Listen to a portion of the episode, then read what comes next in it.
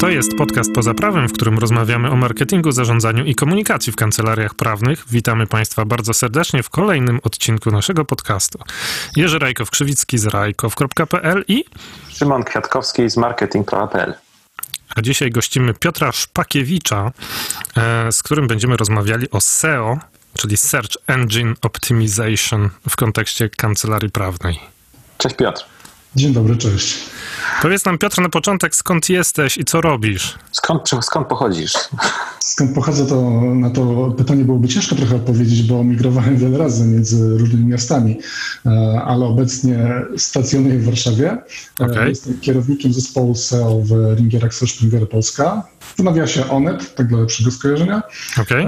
Oraz osobiście prowadzę mini agencję digital marketingową. Wywodzę się z SEO i skupiam się przede wszystkim na, na SEO, czyli na Search Engine Optimization, mówiąc po ludzku pozycjonowanie pozycjonowani w internecie za, po, za, pośrednictwem przeglądarki, znaczy nie przeglądarki, tylko tej wyszukiwarki albo wyszukiwarek. Czyli Piotr, jeśli dobrze ja cię rozumiem, robisz CEO w Onecie. W dużym tak skrócie. Tak, tak, można tak powiedzieć. Pozycjon pozycjonujesz Onet, żeby był wysoko w wyszukiwarkach? On może być wyżej?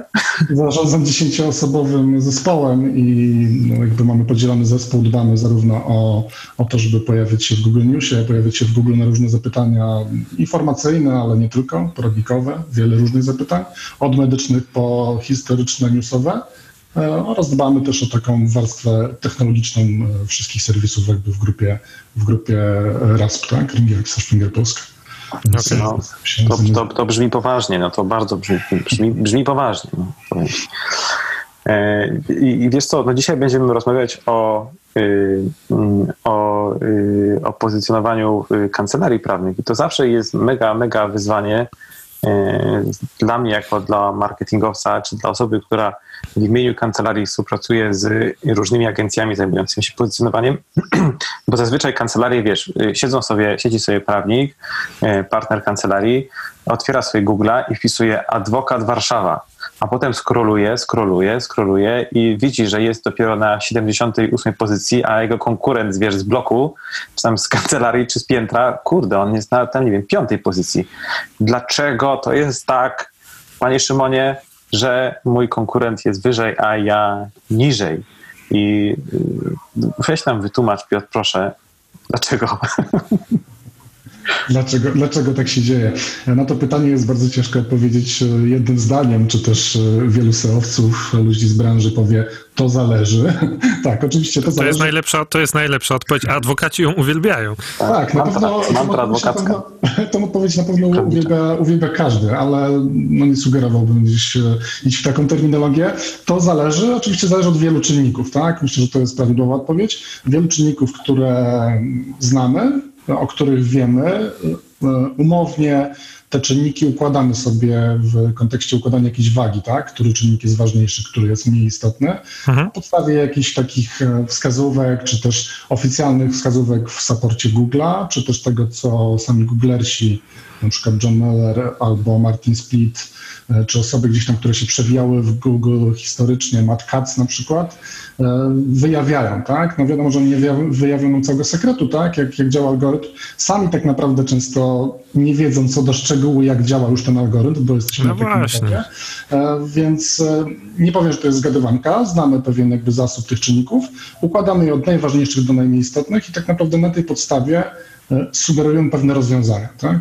I na tym polega cały, cały, cały jakby sekret Google'a. Google ma swoje mechanizmy, które oceniają właśnie, czyli rankują, tak, jak to się mówi potocznie, e, strony w tych wynikach wyszukiwania, czyli na pierwszej stronie, która nas interesuje, no i na pozostałych dla tych wszystkich nie, nieszczęsnych no, podmiotów, które, no, które tam się zajmują, znajdują z pewnych przyczyn. Mhm. Między innymi jest na przykład jakiś Google e, Rank Brain, tak? czyli Google e, analizuje sobie zachowania użytkowników. Tak? Jeżeli użytkownicy klikają w jakiś link na pierwszej stronie, dość często, czyli te linki na przykład, te wyniki mają wysokie CTR-y, Google już przedstawia od razu pozycję, tak? Czyli wiem, że... Czekaj, czekaj, bo, bo, powiedziałeś coś takiego, co przeciętny adwokat z, tak. zacznie zaraz szukać w kodeksie jakimś, wiesz, CTR, co to jest? Do, dołączamy sobie od razu słowniczek click-through click through rate, e, czyli współczynnik klikalności. Tak? Jeżeli Okay. mamy pierwsze trzy wyniki w Google, to mamy jakąś określoną pulę procentową kliknięć w, w te wyniki. E, Dobra. Mogę to odesłać do ciekawego tekstu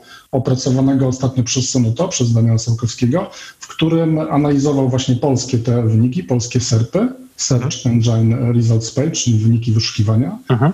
Google, w którym e, wyjawia jakby z, co wynika z analizy, tak? Czyli ile procentowo tego ruchu trafia na pozycję od 1 do 3, 5 i tak dalej, i tak dalej. Im jesteśmy niżej na stronie, oczywiście tego ruchu pozyskujemy coraz mniej. E, Więc wracając do sedna, Google ma trochę takich mechanizmów, na podstawie których ocenia właśnie wartość strony i ustawia, ustawia jej pozycję. Dobra. E, No i co, ale to, to ten adwokat, który tam jest na 76 pozycji versus kolega, który jest na pozycji numer 5, to, to, bo kiedyś to pamiętam, że było coś takiego, że trzeba było mieć dużo linków do swojej strony, to wtedy się było wysoko. Czy dzisiaj to jest jeszcze aktualne, czy to już nie do końca tak działa? Tak, tak, to jest nadal aktualne. Jeżeli chodzi o same działania SEO, możemy sobie je podzielić na działania tak zwane on-site, czyli na stronie, czyli dotyczące naszej strony www. Tu są oczywiście działania dotyczące warstwy technologicznej, czyli kod, tak, HTML, CSS, JS, czy w szerokim rozumieniu technologia, e, prędkość strony i tak dalej, i tak dalej, e, oraz warstwa kontentowa, czyli jakie treści mamy na stronie e, i na ile te treści są zoptymalizowane pod Google, o tym opowiemy pewnie, pewnie szerzej troszkę dalej. Czyli tu mamy ten on-site, działanie na stronie, na które mamy 100% wpływu, tak? O ile nie ograniczy nas jakaś platforma, o ile mamy dewelopera, który jest w stanie te, te zmiany wdrażać i o ile posiadamy ten content bądź tworzymy ten content, tak? Ale jakby strefa wpływu nasza jest tutaj, e, może być stuprocentowa, stuprocentowa tak? E, I po drugiej stronie mamy właśnie ten magiczny offsite, czyli te tak zwane linki, o których wspomniałeś, e, odwieczny temat poruszany w, i w branży, i przez wszystkich. E, mało wspomniany przez Google, tak? bo Google, generalnie, generalnie Google uważa i komunikuje, że e, linki powinny być naturalne, czyli nie No tak. je pozyskiwać, tylko te linki powinny się same, same się pojawiać, tak? w rozumieniu użytkownicy, którzy konsumują nasze treści, linkują do nich. Tak? Tak. No jest to jakiś tam dream scenario. Oczywiście są obecnie pomysły na to, jak można przeprowadzać takie kampanie oparte na tym, że mm, tworzymy atrakcyjną treść, i próbujemy robić coś w stylu link baitingu, tak? czyli pozyskiwania linków, ale na zasadzie e, wrzucenia gdzieś i dystrybuowania atrakcyjnej treści, a nie płacenia komuś za, za pozyskanie linka, czy też za publikację. No kiedyś, kiedyś dobrą strategią było na przykład to, żeby wejść na jakieś forum i tam zacząć e, namawiać użytkowników tego forum, żeby, żeby e, wysyłali, żeby tworzyli linki tak naprawdę na tym forum do naszych treści. O, tak to działało. Je- Jest Natomiast-. Myślę, że to jest praktyka, która nadal, nadal jeszcze występuje, tak? Tak naprawdę i w branży, i gdzieś tam w internecie. Generalnie bym bardzo mocno odchodził gdzieś tam od tej praktyki, bo po pierwsze jest spamerska, po, druga, po drugie podpada trochę pod marketing szeptany, tak naprawdę. A po trzecie, założenie SEO jest takie, żeby tak, walczyć o pozycję, ale no nie chcemy spamować internetu i nie chcemy robić, e, robić z tych e, wszystkich for internetowych e, takich miejscówek tak zwanych toksycznych, tak? Mhm. które są zaspamione, które nie mają żadnej wartości dla użytkownika. I A jak to for jest, czy, czy Google teraz bierze pod uwagę tylko y, treści tekstowe, czy, czy, czy rozszerza to jakoś o podcasty i o wideo, które ostatnio się bardzo rozwijają? Jak to Okej, wygląda? to, jest, to jest ciekawe pytanie. Jeżeli chodzi o takie same mięso, tak, w rozumieniu dla Google'a, to zawsze jakby bazujemy na tym, że jest to treść tekstowa, tak, jest to artykuł, zazwyczaj, czy teksty, które mam na swoich stronach. Z tym Google radzi sobie najlepiej. No, generalnie wyciąga sobie z HTML-ki surowy, surową treść, którą sobie analizuje semantycznie, e, rozbija ją na poszczególne słowa, wyrażenia, e, czyta ich sentyment i tak dalej, i tak dalej. Oczywiście tutaj mówimy trochę o języku angielskim bardziej, bo wiemy, że język angielski, jakby z językiem angielskim na pewno Google radzi sobie lepiej niż z polskim, czy Tak. też innymi bardziej skomplikowanymi językami. Ale wracając, wracając jakby do wątku, żebym, żebym tu się nie zgubił, e, podcasty jak najbardziej. Jeżeli chodzi o podcasty, też możemy je optymalizować. E, Są specjalne dane strukturalne. Dane strukturalne są to takie e, elementy, których możemy opisywać dla Google'a co znajduje się na naszej stronie, tak? Czyli jeżeli Mhm. mamy na przykład stronę i na swoich podstronach mamy poszczególne odcinki podcastów, tak? To możemy użyć takich danych strukturalnych, żeby Google'owi opisać, że jest to konkretnie podcast, tak? Czy na, na, przykład, na przykład umieścić jakieś notatki dotyczące tego podcastu, tak?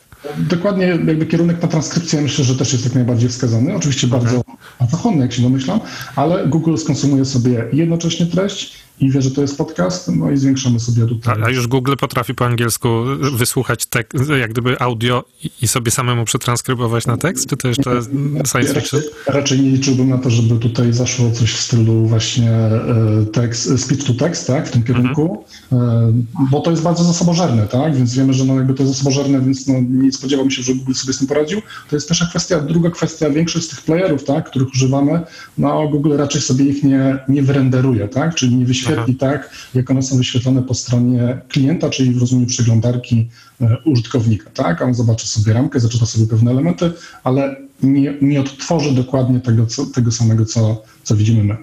No to Ale co może, co może zrobić ten adwokat, który był na 76 pozycji? Hmm. Przepraszam, że ci przerywam, Szymon, ale jestem bardzo ciekaw, co on może zrobić. No okej, okej. Żeby być Ja też wyżej. sobie- W sumie też jestem ciekaw, no wiesz. Przede wszystkim, przede wszystkim musiałby się zastanowić nad jedną pierwszą kwestią, tak? Czyli e, czy chce podjąć się jakichkolwiek działań związanych z SEO na własną rękę, tak? Czy, czy to jest ten kierunek?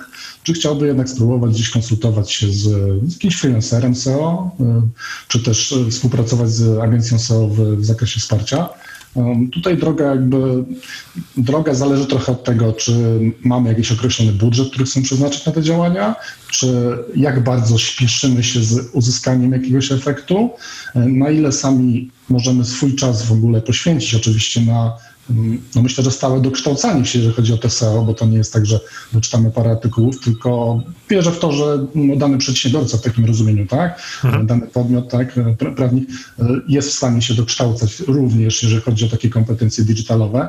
Ja bardziej wierzę w jakąś tą specjalizację, tak, jednak w to, że no, prawnik zna się na prawie SEO, zna się na SEO i na Google, ale No. nie wykluczam oczywiście tego, no gdzieś tam nie ukrywam, że dzisiaj rozmawiamy trochę o takich podstawach i dlatego chciałbym sprzedać parę takich tipów, co, co może zrobić dany prawnik. Czyli tak, Cool. wybieramy kierunek, wybieramy kierunek. Jeżeli jest to ten kierunek, że e, sami się podszkoli w tym SEO, no to pierwszą kwestią, na którą musimy sobie odpowiedzieć, e, to jest słowo kluczowe, po którym znajdują nasz, nas nasi, e, nasi klienci. Przepraszam, powiedziałeś słowo czy słowa? Czy to jest tak, że robię sobie listę 20 słów, czy robię sobie listę jednego, wiesz, to jest jedno słowo, na które chcę działać? Znaczy, raczej słowa kluczowe, no bo w przypadku tej branży będzie to i prawnik, i adwokat, i dodatkowo jeszcze dodana dziś lokalizacja. E, Jeżeli możemy, no to też jest kancelaria adwokacka, więc na pewno to są słowa kluczowe, które powinny się skupiać wokół strony głównej, no bo myśląc o konstrukcji tego typu strony, e, chcemy, żeby dany użytkownik zainteresowany konkretnie taką usługą trafiał na stronę główną i dalej zapoznał się po prostu z ofertą, tak? Nie kierujemy już go bezpośrednio do jakiegoś rodzaju oferty, tylko raczej na tą, na tą stronę główną, główną, po której sobie on gdzieś tam się rozpływa, biorąc pod uwagę korzystanie z nawigacji górnej, czy też korzystanie z jakichś bloczków, które wrzucamy na stronie głównej, tak? Tutaj oczywiście zachęcam do tego, żeby, żeby linkować do poszczególnych ofert, do poszczególnych e, aktualności też, bo o tym też będziemy na pewno rozmawiać, e, już z samej strony głównej, no bo na Google to jest dobre, ten Google Bot, który konsumuje stronę razem z użytkownikiem, tak? Jakby w takim rozumieniu e, coś, czego nie widzimy, tak? Co widzimy tylko w logach serwera, e, następuje zupełnie w tle, e, więc, więc na pewno to linkowanie, linkowanie wewnętrzne z takich bloczków. I teraz tak, wracając do tych słów kluczowych, dobieramy sobie te słowa kluczowe, czyli pewnie kancelaria adwokacka, prawnik, adwokat. Jeżeli działamy w obrębie danego konkretnego regionu, tak, tu się posłuży na przykład Warszawą, no to dobieramy sobie oczywiście lokalizację. I teraz co powinniśmy zrobić z tymi słowami kluczowymi? To są oczywiście słowa kluczowe do strony głównej, tak jak powiedziałem w tym, w tym konkretnym przypadku. I teraz w zależności od tego, mm, na czym oparta jest nasza strona, jak tu mam na myśli, czy to jest po prostu surowy HTML, czy to są pliki, pliki w HTML-u, czy jest jakiś WordPress, czy jakakolwiek inna platforma, w której mamy możliwość edycji elementów HTML w, na stronie, to dobieramy sobie jeden podstawowy element dla strony głównej, czyli element title w HTML. I teraz czym jest title? E, Title jest od, od zawsze bardzo naj- najistotniejszym elementem e, w rozumieniu SEO, bo element title e, mówi Google, czego mówi Google o tym, mówi, nam, mówi Google'owi o tym, czego dotyczy dana strona. Mhm. I po prostu okay. informujemy tak Google'a, że ta strona dotyczy takich, a nie innych usług i w tym właśnie tytule umieszczamy, umieszczamy sobie te słowa kluczowe. I teraz tutaj co do umieszczania tych słów kluczowych jest e, parę zasad. E, pierwsza to jest taka, że słowo, które jest bliżej lewej strony, tak, ma większą wagę, czyli te, które jest na mhm. początku. E, lewej, tak, lewej, czyli na początku. Im, im, im bliżej, tak, im bliżej, tym, tym lepiej. To jest pierwsza kwestia. Druga kwestia jest taka, że nie powinniśmy robić tak zwanego keyword stuffingu, czyli nie powinniśmy tam... Jeszcze raz czego, bo ja się nie usłyszałem? Keywords keyword stuffingu. Okay. robić takiej spamerskiej techniki polegającej na tym, że tam wpychamy po przecinku e, e, randomowo, że tak powiem, w ogóle nielogicznie słowa kluczowe. I teraz dlaczego? E, po pierwsze, dlatego, że Google jest w stanie wyłapywać takie schematy spamowe, tak, jeżeli, jeżeli chodzi o tę kwestię titla. Druga sprawa, w Google, jak już sobie wpiszemy ten adwokat Warszawa, no to ten title widzimy, tak, bo ten nagłówek, duży nagłówek zajmujący 600 pikseli w wynikach wyszukiwania Google. Mhm. E, niebieski nagłówek jest właśnie tym title, tak? Czyli on jest widoczny w tym miejscu, jest widoczny po wejściu na stronę w przeglądarce u samej góry, tak? Jako, mhm. jako, jako nazwa zakładki i tak naprawdę nigdzie indziej, no jedynie w kodzie HTML, więc użytkownik ma ekspozycję z titlem y, tak naprawdę w Google, dlatego nie spamujemy tego title, i dlatego do tego title powinniśmy dorzucać też nazwę brandu oczywiście, tak? Czyli wrzucamy sobie słowa kluczowe od lewej, kończymy sobie taki title e, dorzuceniem naszego brandu, tak? Czyli najpewniej tutaj będzie nazwisko plus jakiś, jakiś, jakiś No patrz, no to, to, już, to już mnie zakasowałeś, bo ja bym powiedział, że na początku bym umieścił brand, a tu się okazuje, że brand powinien być na końcu. W tym przypadku tak. No wiadomo, że z perspektywy jakby ekspozycji takiej googlowej, tak, no to ten brand na początku będzie wyglądał ładnie, fajnie, ale pytanie, czy chcemy bardziej, bardziej tutaj skupić się tylko i wyłącznie na tym, jak się prezentuje ten wynik, czy na jego efektywności, tak? No. To, jest, to jest trochę taka, tu trzeba zachować równowagę między połączeniem tego SEO, a po prostu jakiegoś takiego zdroworozsądkowego spojrzenia na, na marketing, na nasz brand, na to, jak chcemy się e, prezentować, tak? Czyli my nie robimy sobie tutaj kancelaria, e, e, przecinek prawnik, przecinek adwokat, przecinek Warszawa, przecinek miasta, tylko robimy to gramatycznie, z uwzględnieniem tych słów kluczowych i po prostu po ludzku. Czyli tak jakbym ja miał to przeczytać, to tak muszę to napisać, tak? Żeby, żeby to nie było sztuczne, tylko żeby to było naturalne, tak jakbym powiedział, to tak powinienem napisać ten title. Tak, tak, dokładnie. Do, do, tego, do tego będziemy dążyć. Oczywiście patrząc na pewno na wyniki w Google, tak, warto popatrzeć sobie konkurentów, w jaki sposób to robią. E, czasami możemy się zdziwić, niektórzy, niektórzy dążą do takich spamerskich tytułów. E, ja bym miał zdecydowanie tutaj środek i gdzieś tam opierał się na tym, żeby to, żeby to zawierało te słowa kluczowe, ale nie było po prostu przyspane. A jeżeli już mamy naszych konkurentów namierzonych, to lepiej robić podobnie jak konkurenci, czy lepiej zrobić kompletnie inaczej? Kompletnie inaczej może nie, ale na pewno uwzględniamy te słowa kluczowe, które są istotne. Tu teraz za chwilę też jeszcze powiem, jak sprawdzić, czy są istotne. No. Um, ale no nie szedłbym na pewno w to, że chcemy robić coś kompletnie inaczej. Ostatnio jeden Google, John Miller, powiedział, że pewna oryginalność, nietypowość y, jest istotna też, jeżeli chodzi o działania mhm. SEO, ale tu bym się skupił na tym, że dajemy te słowa kluczowe, dajemy na pewno lokalizację, dorzucamy brand. A cała otoczka, którą jakby uzupełnimy sobie, zależy już tak naprawdę od nas. Istotne jeszcze, jest, jeszcze też jest to, że taki title nie może mieć więcej niż 70 znaków. Więc tutaj tej przestrzeni mhm, do tak. zabawy, szczególnie przy tego typu usługach, no nie mamy już tak dużo, tak? No i tutaj mamy, mamy porady dla kancelarii prawnych, które mają brandy pod tytułem e, e, Kowalski, i Ksiński, Tomaszewski i jakiś tam i wspólnicy, to już właśnie 50 zużyliście. No to już jest duży, to już jest duży problem, ale myślę, że jest jakieś rozwiązanie na to. Chociażby rozwiązanie na to będzie, no, nie wiem jak z perspektywy marketingowej to będzie wyglądało, ale załapanie jakiegoś skrótu czy też połączenia tych nazwisk, tak? Jeżeli chodzi o zamknięcie tego w, brandzie, w nazwie brandu, e, oraz tworzenie podstron, na których prezentujemy tak naprawdę zespół, tak? Czy to jest o kancelarii, nasz zespół, e, specjaliści, czy też jakkolwiek to sobie nazwiemy. Robimy też podstrony poszczególnych e, specjalistów. Je oczywiście nazywamy ich imieniem, nazwiskiem, tak? Mhm. I w ten sposób też zwiększamy szanse na to, że jeżeli ktoś będzie, a są też takie wyszukiwania, wyszukiwał po imieniu, nazwisku danego, danego tak, adwokata, prawnika, to po prostu w Google sobie go też znajdzie, jeżeli on występuje w treści tej strony i ma dedykowaną podstronę. Więc tutaj od razu też kolejny tip. Jeżeli składam, jeżeli nasza kancelaria się składa właśnie tutaj z paru nazwisk, zdecydowanie warto zrobić taką podstronę czyli mamy tak strona główna, slash o kancelarii, o nas, nasz zespół, to już tak naprawdę powiedziałbym, że to jest wtórne, slash imię, na imię, myślnik, nazwisko i już mamy taką podstronę danego, danego właśnie, danego prawnika. Tam oczywiście dodajemy jakiś content, jakieś story i tak dalej, i tak dalej na tej podstawie. Dobra, wróćmy troszkę, bo zeszliśmy z tego title do, do, do kolejnych jakby czynników. Mhm. Tych czynników mógłbym wymieniać wiele, bo czynników wpływających na to, jak rankujemy w Google jest e, Różnie się mówi, kiedyś się mówiło, że ponad 200, teraz pewnie jeszcze więcej. No, trzymajmy się tego, że na pewno ponad ileś set, tak? Na pewno 200-300. Okay. E, oczywiście, Skupiamy się oczywiście na tych najważniejszych, tak? Czyli po takim title, jeżeli chodzi o tą naszą stronę główną, wchodzimy sobie już na stronę główną i zastanawiamy się nad tym, jak skonstruowana jest nasza treść. I teraz, mhm. co to oznacza dla nas, jak jest skonstruowana treść? Oznacza to dla nas to, czy mamy odpowiednią strukturę nagłówków, i teraz o co chodzi? Chodzi konkretnie o nagłówki H1, H2, H3 i tak dalej w, w HTML-C, w, oznaczeniu jakby kodu. Z punktu rozumienia Google, Google interpretuje po prostu pewien priorytet treści, tak? Czyli to, co mamy u góry, to, co jest w nagłówku H1 ma większe znaczenie. Mhm. W tym przypadku starałbym się pewnie wrzucać tutaj coś podobnego jak w title, czyli na przykład kancelaria prawna, kancelaria adwokacka plus nazwa brandu, tak? Mamy już tutaj, tutaj te, te ważne, ważne słowo kluczowe. Wplatamy to oczywiście wszystko naturalnie. Nie możemy robić tego e, w taki sposób, że gdzieś tam podczas e, dla, dla samego użytkownika, który trafia na naszą stronę docelowo, no jego user experience spada przez to, że my e, robimy jakiś keyword stuffing, tak? No takich rzeczy tak. unikamy.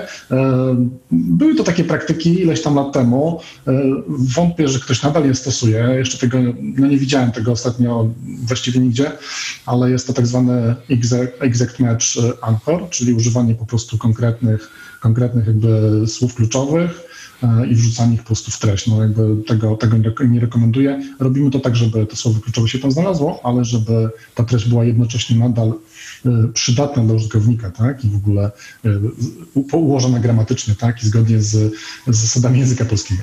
No właśnie, a propos języka polskiego, czy to jest no. tak, że, mm, e, że Google jest w stanie na przykład no jak gdyby rozpoznać, że to są, że używamy naturalnego języka i odmieniamy na przykład słowa. I, uzna, że to, to w sensie, że y, i uzna, że odmieniony w jakiś tam sposób e, opis naszej działalności przez przypadki, czy tam w jakoś w innym czasie, e, to jest też spójny z tym, co mamy w tym titlu na górze, czy, czy musimy naprawdę się trzymać bardzo, bardzo konkretnie tego, co było napisane wyżej? E, tutaj jakby ruszamy trochę temat nasycenia słowami kluczowymi, to jest jedna no. kwestia, i drugi temat NLP, czyli Natural Language Processing, czyli e, przetwarzanie języka na, na, naturalnego jeżeli chodzi o Google. Jeżeli chodzi o nasycenie słów kluczowych, to tak naprawdę najlepiej jest zbadać po prostu konkurentów. Czyli sprawdzamy na ich stronie, e, stronie głównej, tak, czy konkretnych podstronach, które akurat potem analizujemy, jak często pojawia się dane wyrażenie, tak, czyli najłatwiej sobie, nawet po prostu wchodzimy na stronę, bierzemy sobie F, sprawdzamy, dopisujemy sobie praw, czy tam adwokat, tak, e, fragment i sprawdzamy, ile razy występuje w formie bezpośredniej i ile razy w odmianie. I teraz dlaczego właśnie sprawdzamy, czy występuje w odmianie? Przede wszystkim dlatego, że tworzymy te treści pod użytkownika, ale również dla Google'a. I teraz Google, e, Google generalnie radzi sobie coraz bardziej z przetwarzaniem tego języka naturalnego, o którym okay. już wspomniałem. Jeszcze w zeszłym roku, jakoś na jesieni, Google poinformował, że wprowadza coś takiego jak algorytm BERT. E, teraz, żeby nie przekręcił, BERT to jest Bidirectional Encoder Representation from Transformers. I teraz o co chodzi? Google Transformers, zna... to to mi zapadło. Tak, to, to, jest, to jest ważne, ale, ale trzymajmy się tego, Optimus Prime, synu, przynieś Optimusa Prime'a, tutaj podcast o, z Optimusem Prime'em. Dokładnie, więc e, Google, Google idzie w, w rozpoznawanie tego tekstu. Trzymajmy się tego Berta, myślę, że ten skrót Berty będzie ok. I o co chodziło z Bertem? Z Bertem chodziło o to, że Google był w stanie zrozumieć, czy dane wyrażenie czytamy w tą stronę i włapać pewne stopwordy, czyli e, zinterpretować, czy to zapytanie dotyczy, dotyczy konkretnie tego szczegółowego zapytania, a nie jakiegoś innego podobnego. Mhm. E, teraz nie rzucę przykładem, ale tam był fajny przykład z ambasadą, z dokumentami i tam nie chodziło na przykład użytkownik, który wpisywał te zapytanie, jego intencją było znalezienie podstrony na jakiejś, jakiejś konkretnej ambasady, na której jest informacja o tym, jakie dokumenty są potrzebne, żeby dostać się do, mhm. do danego państwa. A wcześniej w Google gdzieś tam wyglądało to w ten sposób, że Google myślał, że szukamy jakichś newsów po prostu o tym, o, o tej ambasadzie, o tym państwie i tak dalej. Google gdzieś tam się gubił i nie podawał precyzyjnego wyniku. Po wprowadzeniu takiego Berta te wyniki są coraz bardziej dopasowane. Google coraz lepiej rozumie tę treść, więc możemy przypuszczać, tutaj dodam przypuszczać, bo Google nie zdradza oczywiście takich szczegółów, że z tym e, naturalnym przetwarzaniem języka radzi sobie coraz lepiej, więc na pewno wyłapuje tą semantykę, na pewno łapie te wszystkie odmiany. Co ciekawe, wyłapuje też sentyment wypowiedzi. Sentyment w rozumieniu, czy ona ma y, konotację negatywną, pozytywną, czy wyraża zadowolenie, gniew i tak dalej, i tak. Mm, Żeby nie być gołosłownym, dla małego eksperymentu mogę zachęcić do odwiedzenia takiej strony Google'owej, na której znajdziemy, znajdziemy takie rozwiązanie. Jak piszemy sobie Google, Google Cloud y, i NLP dodamy, tak? Natural Language Processing, to znajdziemy taką y, stronę, na której możemy wrzucić próbkę tekstu. Tutaj dodaję od razu, że to warto wrzucić tekst y, po angielsku i zobaczymy, jak Google sobie pięknie rozkłada tekst na poszczególne wyrażenia, jak sobie z nim radzi. No, to ciekawe. Wiesz co, bo o, o tym języku jest o tyle to ciekawe, że, em, że, że trudno w naturalny sposób tworzyć tekst kopii strony internetowej, posługując się tylko i wyłącznie, no nie wiem, bezokolicznikami albo y, tylko nie odmieniając słowa adwokat i nie, nie odmieniając marka. Co więcej, wiesz, jak nawet jeżeli piszesz sobie tą stronę i ją napiszesz, a potem na przykład korzystasz z wtyczek do WordPressa, czy to, nie wiem, tam SEO, SEO in One, Yoast, czy tam cokolwiek innego i zaczynasz odmieniać słowo kluczowe, które na danej stronie jest poprawne, no to Yoast mówi ci, że a, a, nie użyłeś słowa kluczowego. I dla takiego, wiesz, osoby, dla adwokata, który, czy tam dla prawnika, który sobie sam chce robić swoje SEO, to jest mylące, bo my tu mówimy, słuchaj, stosuj odmianę, a potem on wchodzi w Yoasta i okazuje się, że Yoast nie traktuje, e, nie traktuje inaczej słowo kluczowe adwokata, inaczej adwokaci i wiesz, nie, nie, widzi, że adwokaci to jest, to jest nie adwokat. No, no, więc to jest takie, wiesz, triki z punktu widzenia praktycznego. Tak, jest triki, no zawsze pamiętajmy o tym, że narzędzie, wiedza i interpretacja, tak? Jakby tutaj wymaga to trochę interpretacji, bo narzędzie no, nie zinterpretuje przez nas, tak? Ono liczy tylko wystąpienia danego słowa, które dodaliśmy po prostu w konkretnym polu, tak? Jeżeli chodzi na przykład o Yoasta pod, pod WordPressem, tak? Więc, więc pamiętajmy o tym, że interpretacja i wiedza, tak? To, to nabywamy no, gdzieś tam rozmawiając o tym SEO, słuchając Tak. o tym SEO, tak? Czyli powiedziałeś, że title, powiedziałeś, że, yy, że Struktura nagłówków była tak, ważna. była struktura nagłówków H1, H2, H3, H4, ale powiedz, wobec tego w H1 powinien iść jakiś tam główny, nag, główny nagłówek, chciałem powiedzieć, ale ta główna treść, Tak. e, potem powinna iść treść zwykła, zwykłą czcionką pisana bez, bez oznaczenia nagłówkowego. Jeżeli chcemy dać pośredni nagłówek, to dajemy go jako H2, tak? Jeszcze mniej ważny H3. Tak, dokładnie. Układamy sobie w ten sposób priorytet treści, czyli H2, H3, H4 i na tej podstawie e, Okej. tytu, tytułujemy po prostu swoje bloczki, tak? No bo zazwyczaj ta strona główna składa się z poszczególnych sekcji, bloczków, jakkolwiek sobie to nazwiemy. Okej, ale tak? czy- to znaczy, że lepiej mieć taką bardzo długą, długą stronę na jednej stronie, niż mieć strony jak gdyby z podstronami i gdzie możesz głębiej się tam jakoś dostać? E, Tutaj jest zaradynkowa odpowiedź tak naprawdę, bo roz, rozumiem, że masz na myśli one, e, takiego one, one page'a po prostu. No tak, one page'a, na którym ewentualnie masz nawigację zrobioną na zasadzie, wiesz, odnośników do, do, do, do miejsca w tej stronie. Tak, zdecydowanie bym odradzał. Dlaczego bym to odradzał? Dlatego, że mamy tak naprawdę tylko jeden potencjalny wynik, jedną stronę, jak rozumiem, jeden URL dla Google'a. Google jednak lubi pewną strukturę, czyli mamy stronę główną, mamy o nas i później slash poszczególnych prawników, mamy slash e, blog, czy tam sekcja kontentowa, jakkolwiek sobie to nazwiemy, wiedza i tak dalej, aktualności i tam dalej kolejne wpisy, które też możemy sobie jeszcze jakoś w strukturze układać. Mamy ten kontakt, mamy poszczególne podstrony, więc Google raczej lubi to, że to jest pewna struktura. E, To jest pierwszy plus. Drugi plus jest taki, że no jednak na takim one page'u w rozumieniu całego worka, całej naszej strony, no nie wrzucimy tyle treści, którą Google może sobie konsumować, tak? No zatrzymamy się na pewnym poziomie na pewno, e, więc to jest kolejny argument za tym, żeby to była strona raczej rozbudowana, klasyczna w rozumieniu, czyli nie, że mamy sekcję gdzieś tam po, po kotwicach, tylko po prostu statyczny adres e, URL. E, Trzecia kwestia, jeżeli chcemy na te nazwiska na przykład, żeby ktoś trafił na naszą stronę, no to zdecydowanie też potrzebujemy podstrony z tymi, z tymi sylwetkami, więc No tak. One page myślę, że odpada. One page będzie fajny, może pod konkretne, może pod jakąś konkretną wydzieloną usługę, może na subdomenie, może na osobnej domenie, ale generalnie jeżeli chodzi o biznes case, tak, to, to raczej bym to obracał. Okej. O, dobra, czyli skończ, mamy, mamy nagłówki za sobą, wiemy, że raczej nie one pager. który jest mega, mega wyzwaniem, bo jest to y, one-pagery są y, modne. Tak. Lu- Ludzie lubią Ale- one-pagery. Ale są modne sprzedażowo, mam, mam wrażenie, a tu y, Piotr powiedział, że jako właśnie mm, coś, co, co, co wspiera Tak. sprzedaż usługi, czemu nie? Natomiast no, no nie na, na zasadzie głównego wehikułu do pozycjonowania sobie swojej marki w internecie, nie? Dokładnie, dokładnie. Już wiemy, że słowa kluczowe mają znaczenie, ale to pogadajmy, Piotr, trochę więcej o tych słowach kluczowych, bo mówię tutaj o swojej perspektywie marketingowca, który pracuje z kancelariami i zazwyczaj prośba do nas, do marketingowców jest taka, panie Szymonie, adwokat Warszawa w ciągu dwóch miesięcy na pierwszej pozycji. Proszę robić. I teraz się zastanawiam, wiesz, y, czy jeżeli byśmy wrzucili tam nieograniczony budżet finansowy i takie hasło jak adwokat Warszawa, które jest bardzo popularne, zapewne drogie do pozycjonowania, czy to w ogóle, czy, czy wiesz, czy, czy to budżet cokolwiek, czy to budżet cokolwiek zmieni i, i, i powoduje, że się wypozycjonujemy? I to jest jakby pierwsze pytanie, a drugie, czy w ogóle jest sens pozycjonować się na takie ogólne pytanie jak adwokat Warszawa, adwokat Łódź, Toruń, Poznań i, i, i tym podobne? Powiedzmy o budżecie i o tych, o tych słowach kluczowych. Okej, Jeżeli chodzi o budżet, no tutaj nie możemy sobie tego skalować, tak jak na przykład w działaniach typu Google Ads, tak? Więc jakby nie mamy tutaj pewnego rodzaju e, e, negocjowania stawki, tak? Zabrakło mi słowa.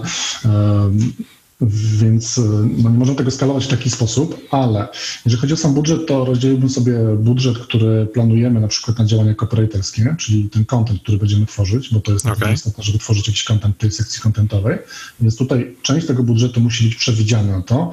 Tutaj pytanie oczywiście, czy copywriter jest zewnętrzny, czy jest to jakiś tam podnajęty specjalista, czy jest to ktoś już in-house kancelarii, kto pisze te treści, e, czy wykonujemy to po stronie agencji. Biorąc pod uwagę, na ile specjalistyczne są te treści, zakładam, że zawsze taki copywriter in-house, czy, czy ktoś współpracujący po prostu z prawnikiem czy kancelarią będzie mógł robić je najbardziej merytorycznie, co jest oczywiście bardzo ważne, bo, bo mają być one przede wszystkim dla użytkownika, ale z uwzględnieniem SEO, więc na to bym na pewno przeznaczył budżet. Budżet warto też przemyśleć w rozumieniu zmian jakichś, tak, deweloperskich, jeżeli chodzi o stronę, bo jeżeli strona będzie wymagała sporo, sporo zmian, tak, i tutaj mam na myśli zmiany na przykład dotyczące prędkości ładowania strony, na przykład jakiejś przebudowy, tak, która byłaby konieczna, czy też właśnie zasilania nowym kontentem, czy podkręcenia tego kontentu, na to też na pewno jest potrzebny budżet. No i oczywiście budżet na linki.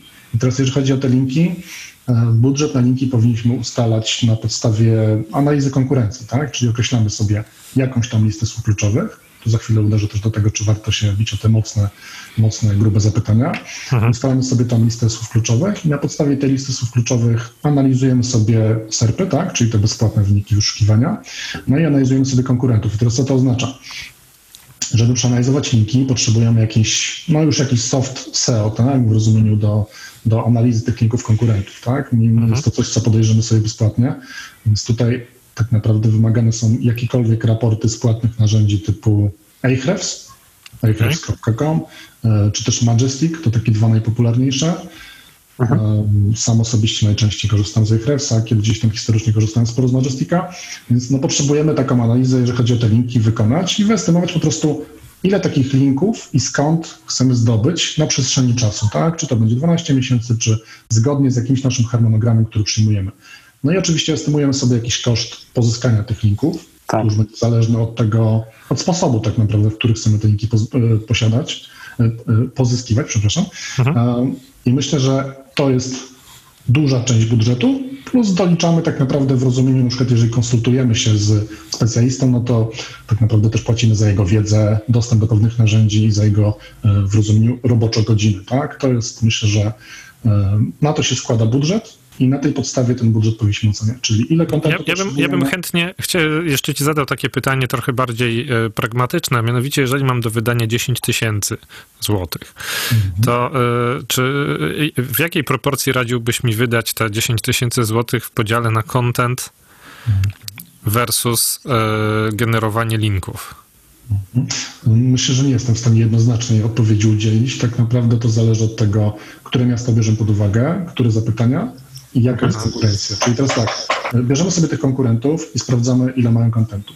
bierzemy tych konkurentów, sprawdzamy, ile mają linków. I dopiero na tej podstawie też określamy, jaka ma być proporcja. I teraz tutaj uderzę do tej proporcji, dlaczego ta proporcja będzie różna w różnych miastach i różnych regionach. Dlatego, że Google ocenia strony na podstawie środowiska konkurencyjnego, tak? Czyli ten, w zasadzie, że Okay.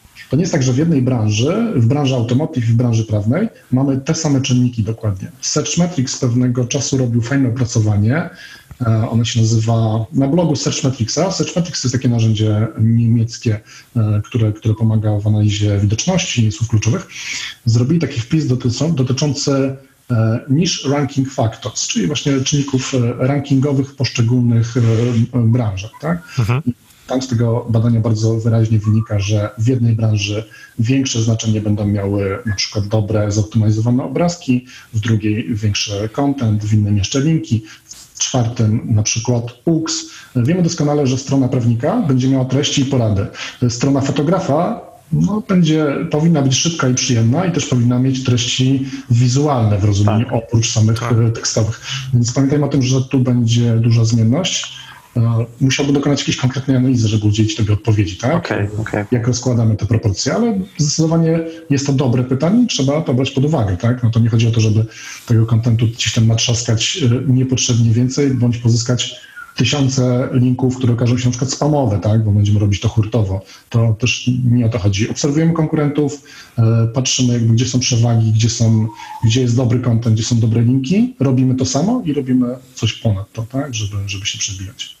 No Okej. to wróćmy jeszcze do, do drugiej części pytania Szymona, które dotyczyło tego, czy lepiej się pozycjonować na te bardzo takie mm, szerokie e, frazy, czy raczej lepiej się niesamowicie e, wyniszować tak wąziutko, jak się da. Nisza w niszy, wiesz, że specjalizacja w specjalizacji.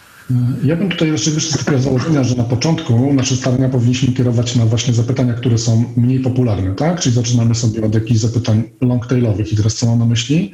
E, Dążymy oczywiście po tego adwokata Warszawa na przykład, tak? Czy pewnika Warszawa i to jest nasz cel, ale to jest nasz cel długoterminowy, czyli rozdzielamy sobie cele tak naprawdę, czyli ruch z dużych haseł jako cel taki długoterminowy i teraz w jaki sposób chcemy to uzyskać? Dobieramy sobie te słowa kluczowe, które są już bardziej, już mniej popularne, czyli są jakimś tam long tailem nazwijmy, albo są bardziej doprecyzowane, czyli na przykład nazwiska prawników, czyli na przykład to wszystko, co będziemy wrzucać sobie do, do sekcji kontentowej. Za chwilę, jeśli przytoczę jakieś przykłady. I tak naprawdę produkujemy ten content po to, żeby zgarniać ruch z tych mniejszych zapytań, żeby już łapać ten ruch na tą stronę i w rozumieniu takim googlowym budujemy pewnego rodzaju autorytet.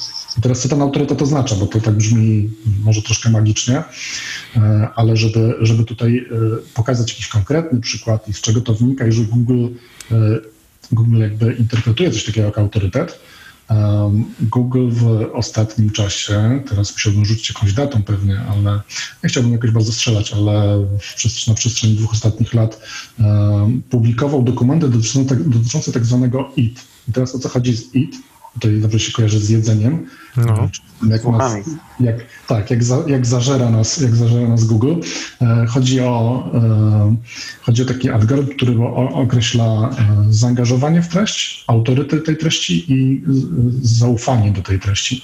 E, jest to dokument, który został opublikowany przez Google'a, dokument, który służy tak zwanym search raterom, czyli to są ludzie, którzy e, oni nie ustawiają suwaków w Google, tak, jeżeli chodzi o to, ale mm, nazwijmy to sobie tak, że Searchwriterzy y, trenują modele odpowiedzialne za ustalanie rankingu. O, może w ten Okej. sposób y, byłoby to dobrze To są nazwać. trenerzy z sztucznej inteligencji. Myślę, że tak. Myślę, że mo- moglibyśmy sobie to tak nazwać. E, I teraz co chodzi z tymi searchwriterami, z tym dokumentem. W tym dokumencie ponad 50 razy pojawia się słowo, słowo autor i autorytet.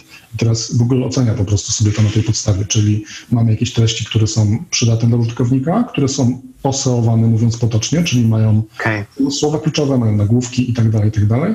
No więc budujemy sobie autorytet i po prostu nie ścigałbym się na początku oczywiście naszej drogi gdzieś tam o te duże, duże hasła. Wiemy też oczywiście, że w Google Adsach jest bardzo duża konkurencja, więc mamy cztery adsy tak naprawdę, które, które zgarniają ruch. Mamy dalej jeszcze też mapkę lokalną, tak? Tak. E, O, o której też wspomnę. Oczywiście do Mówisz o stronie z wynikami, tak, żeby się... Tak, tak. tak, mówię o stronie z wynikami, tak, w Google. E, No i dopiero poniżej mamy te wyniki w rozumieniu organiczne, tak, bezpłatne, więc wiemy, że ten no ten CTR w bezpłatnych wynikach i tak zawsze, zawsze jest obciążony tym, że te acy go spychają w dół, tak? Na mobile Tak. szczególnie. Ale mimo tego myślę, że warto obrać sobie cel długoterminowy i krótkoterminowy w rozumieniu rankujemy na content powiązany z takimi, a innymi zap- zapytaniami. Um, I myślę, że to jest odpowiedź na drugie pytanie, tak? Czyli dwa cele, długoterminowy, krótkoterminowy. No dobra, a jeśli chodzi o, bo wspomniałeś o e, Ahrefsach, e, czy to jest e, to narzędzie, w którym sprawdzamy istotność słów kluczowych i w którym możemy sobie zobaczyć, czy jest sens w ogóle się pozycjonować na jakieś bardzo, bardzo specyficzne jakieś zapytanie? Tak, tak, dokładnie. E, dokładnie. Narzędzia typu Ahrefs, Senuto, ale również e, googlowski Keyword Planner, planer słów kluczowych dostępny w interfejsie Google Adsowym, tak? Mhm. E, Czy też wiele takich darmowych narzędzi, nawet jak sobie wpiszemy w Google coś po, po angielsku typu Free Keyword, Keyword Tool, to znajdziemy też jakieś narzędzia, które oczywiście mają jakiś tam swój limit, tak, zapytań, ale możemy sobie sprawdzić w nich popularność. Na przykład Aber Suggest jest też takie... takie Tak, narzędzie. Neil Nila Patela, tak? Tak. dokładnie. Tam oczywiście mamy jakiś limit, ale wybieramy sobie kraj, e, na którym to sprawdzamy i tam dodajemy sobie te słowo kluczowe. I teraz to, co jest istotne, tam pojawi nam się volume, tak? Albo search volume. E, I teraz co to oznacza? Jest to wolumen zapytań, czy teraz jest to wolumen zapytań, które występują w skali miesiąca, średnio oczywiście, tak? Bo każde zapytanie ma swoją, e, mają swoją sezonowość. No tutaj może w tej branży nie biłbym bardzo mocno w tą sezonowość, ale pewnie jakaś występuje. E, I teraz jest to pewna skala, tak? Czyli jeżeli mamy jakieś zapytanie, tutaj się po- posłużę troszkę, troszkę przykładem, um, otworzę sobie tak naprawdę. OK, mamy na przykład jakiegoś adwokata Warszawa i jego wolumen będzie, no, załóżmy, tysiąc, tak? To oznacza to, że tysiąc osób w skali miesiąca poszukuje takiego zapytania. I teraz, Okej. jeżeli to tysiąc osób wpisuje sobie te zapytanie w skali miesiąca tysiąc razy e, w Google, no to część z tego ruchu my zyskujemy, tak? Jeżeli jesteśmy na pozycjach 1, 3 i tak dalej, i tak dalej. Pamiętajmy o tym, że część tego ruchu, tak? Czyli przyjmuje się tam umownie, że około 30%, to zależy od, od państwa, od branży i tak dalej. E, Na tych pozycjach 1, 3, no to gdzieś tam trzymajmy się tych 30%, załóżmy sobie, e, trafi do nas z, tego, z tego tysiąca. Ale już na przykład zapytanie obsługa prawna firm Warszawa, to jest tak naprawdę 200. I To jest tylko, tylko 200, ale tutaj jest taka właśnie taki tip od razu, że jeżeli robimy sobie taką podstronę z usługami, no to obsługa prawna firm, e, dajemy sobie taką podstronę, opisujemy na czym polega, tak, prezentujemy tam pewnie jakieś ceny, zakres takiej, takiej konkretnej usługi e, i w tej sytuacji będzie nam łatwiej na pewno się pojawiać na takie, na takie hasło. Więc e, Okej. dzięki tym narzędziom możemy sobie porównać, porównać tą popularność. Jeszcze mam takie jedno pytanie bardzo egoistyczne, a mianowicie, jeżeli tworzę nową stronę internetową i zaczynam w ogóle rozważać możliwość pozycjonowania, to jakie mniej więcej wzrosty e, odwiedzalności tej strony wskazują, że moje jakieś wysiłki mają sens? Szczerze, to myślę, że bym się benchmarkował po prostu na konkurencji, bo co prawda, jeżeli chodzi o sam ruch, to tego nie jesteśmy w stanie sobie w łatwy sposób e, sprawdzić, Mhm. e, jak to wygląda na, na serwisach konkurencji. No nie mamy, nie mamy jakby kolokwialnie wjazdu do ich narzędzi typu Google Search Console, gdzie możemy No śledzić ruch, czy też Tak. Google Analytics. Możemy ewentualnie kogoś podpytać, wątpię, że ktokolwiek nam będzie chciał to zdradzić, E, ale bazujemy raczej na tym zestawieniu słów kluczowych, które są w top 10 albo na przykład w top 3. Bierzemy ich wolumen i na podstawie tego wolumenu przeliczamy przez jakiś procent, tak? Czyli to możemy się domyślić na podstawie tego, jaki jest wolumen wyszukiwań na słowa kluczowe, których oni uży- używają, tak? których używają, na które są widoczni na konkretnych pozycjach. Tu na przykład jeżeli chodzi o samego Ahrefsa, e, to jest to narzędzie, które nam potrafi e, per dana strona zrobić coś takiego jak estimated traffic, tak? Czyli przeliczyć tam estymowany trafik na podstawie tych pozycji. Pamiętajmy oczywiście, że to nadal jest estymacja i te estymacje lepiej się sprawdzają przy większych serwisach, ale jakiś benchmark musimy mieć, jest to jeden ze sposobów. Okej. Tak, tu wyzwaniem y, tych stron kancelaryjnych jest, jest, jest to, że y, ilość ruchu, jak one pozyskują, jest po prostu bardzo mała. I nawet gdybyśmy sobie wzięli narzędzie typu, no nie wiem, Similar Web i porównywali dwie czy trzy różne strony, to bardzo często jest tak, że y, te narzędzia nie dają jakichkolwiek nawet estymacji, bo po prostu mają za mało ruchu, żeby cokolwiek móc estymować. Więc y, to nie jest łatwe i trzeba po prostu chyba czuć trochę, czy ta robota nasza jest dobra, czy jest zła i y, czy ta, ta pozycjonerska, czy rośniemy, czy nie rośniemy, I myślę sobie, że jakimś wyznacznikiem, który ja sobie przyjmuję sam, mhm. y, analizując wiesz, y, działania agencji, z którą współpracuję, jeśli chodzi o SEO, jest to, czy jakby patrzę na dwie rzeczy, na długość trwania sesji, oczywiście wejścia, liczby i tak dalej, na te, na te docelowe strony też. To jest pierwsza rzecz, na którą można spojrzeć na długość trwania sesji i na, na to, jakie są, ile jest odrzuceń ze, ze strony głównej. No to, no to dawaj, to taki dobry benchmark. Ile powinno być? Dobry benchmark. No, ja lubię, jak y, y, te y, odrzucenia są poniżej 40%. Okay. I Piotr, tam powiedz mi, czy to w ogóle, czy to jest dobry, czy to jest zły benchmark. A długość trwania sesji jestem, już zaczynam być zadowolony, jeśli to jest powyżej półtorej minuty. Ja myślę, że powyżej półtorej minuty to jest trochę czasu na, na skonsumowanie treści na stronie. E, co do, co do liczby odrzuceń, ja myślę, że to jest dobry poziom, ale to jakby branża też będzie się różniło, tak? Inaczej to wygląda w branży prawniczej, inaczej e, na przykład w newsówce, więc, więc tutaj to bym raczej nie uderzał w to, ale myślę, że te 40% jest ok. Ten czas też myślę, że jest w porządku. E, no tak naprawdę możemy sobie przyjąć też takie KPI po prostu jakościowe, jeżeli chodzi o ten ruch, tak. bo po pierwsze, jeżeli zdobywamy już ten ruch i są te pozycje, to też analizujemy sobie, jakiej jakości jest ten ruch. Mhm. Tutaj bym uwzględnił na pewno mierzenie tego ruchu, jeżeli chodzi o to odrzucenia, czy jak on jest angażujący, e, pod kątem strony głównej, pod kątem stron z usługami i oddzielił sobie gdzieś tam tą sekcję kontentową, no bo też warto by było patrzeć, czy te wpisy, które publikujemy, one mhm. konsumowane do końca, tak? Tutaj też okay. nawet jakieś trakowanie po, po doskrolowaniu do końca, może, może tego typu, tego typu mhm. triki, żeby, żeby gdzieś tam wyciągnąć jakieś wnioski, tak? To no tutaj, no. tutaj bym jeszcze, sorry że tutaj bym jeszcze zdał jedną rekomendację, nie do końca SEO-ową, ale żeby zobaczyć sobie, gdzie kto klika, pewnie jest sobie takie narzędzie, o którym już pewnie mówiliśmy, nazywa się Hotjar, yy, który, który, czy też inne narzędzia, które tworzą tak zwaną mapę świetlną strony.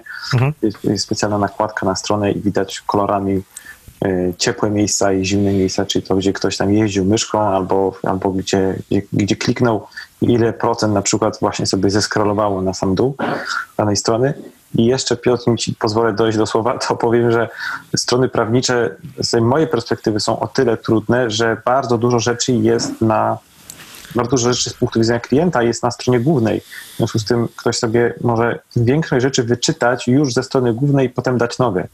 Mhm. I, y, no i to jest jakby to wyzwanie tego, tego, tego współczynnika odrzuceń i zazwyczaj krótkich, e, krótkich treści, krótkiego czasu pobytu na stronie, bo ktoś może wykręcić dobry czas na stronie, tylko jeśli będzie jakąś sekcję blogową, czy tam aktualnościową, czy tam jakieś, jakieś raporty, bo no tak to sobie przejrzy zdjęcia i da nowe.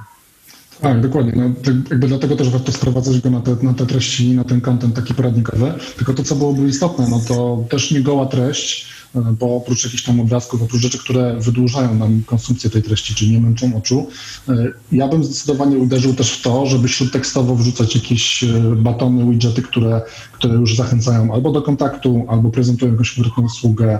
E, okay tego klienta podchwytują, no bo nie oszukujmy się, wiemy, że ta, że ten, ta sekcja kontentowa zawsze będzie wspierała tą konwersję i ktoś będzie ją konsumował, ale co z tego, że jeżeli nie będzie przepływał do, no do, do kontaktu, tak? Więc, więc na pewno tego typu zabiegi są bardzo istotne, tak?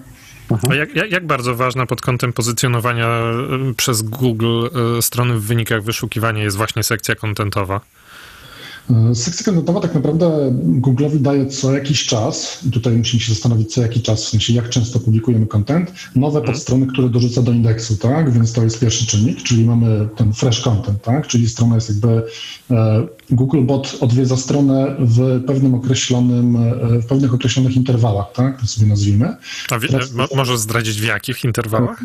To znaczy nie, to jakby to nie jest czynnik, który jest identyczny dla każdej strony. Mniejsza, A, okay. strona, mniejsza strona jest odwiedzana rzadziej, E, czyli strona, która tak jak mamy sobie stronę, naszą stronę i przed e, samym protokołem HTTPS, tak, czy HTTP, zależy jak mamy wdrożone, e, bierzemy sobie taki operator site. Site jak, jako website, tylko site, ten fragment, dwukropek, mhm. wbijamy sobie Enter i sprawdzamy w ten sposób w Google, ile jest zaindeksowanych wyników. Mhm. Czyli jeżeli mamy stronę, która ma 15 zaindeksowanych wyników, czyli prawdopodobnie jest stroną w rozumieniu komercyjną, wizytówką kancelarii, na której raczej kontentu nie ma, no to pewnie tych wyników będzie 15-20.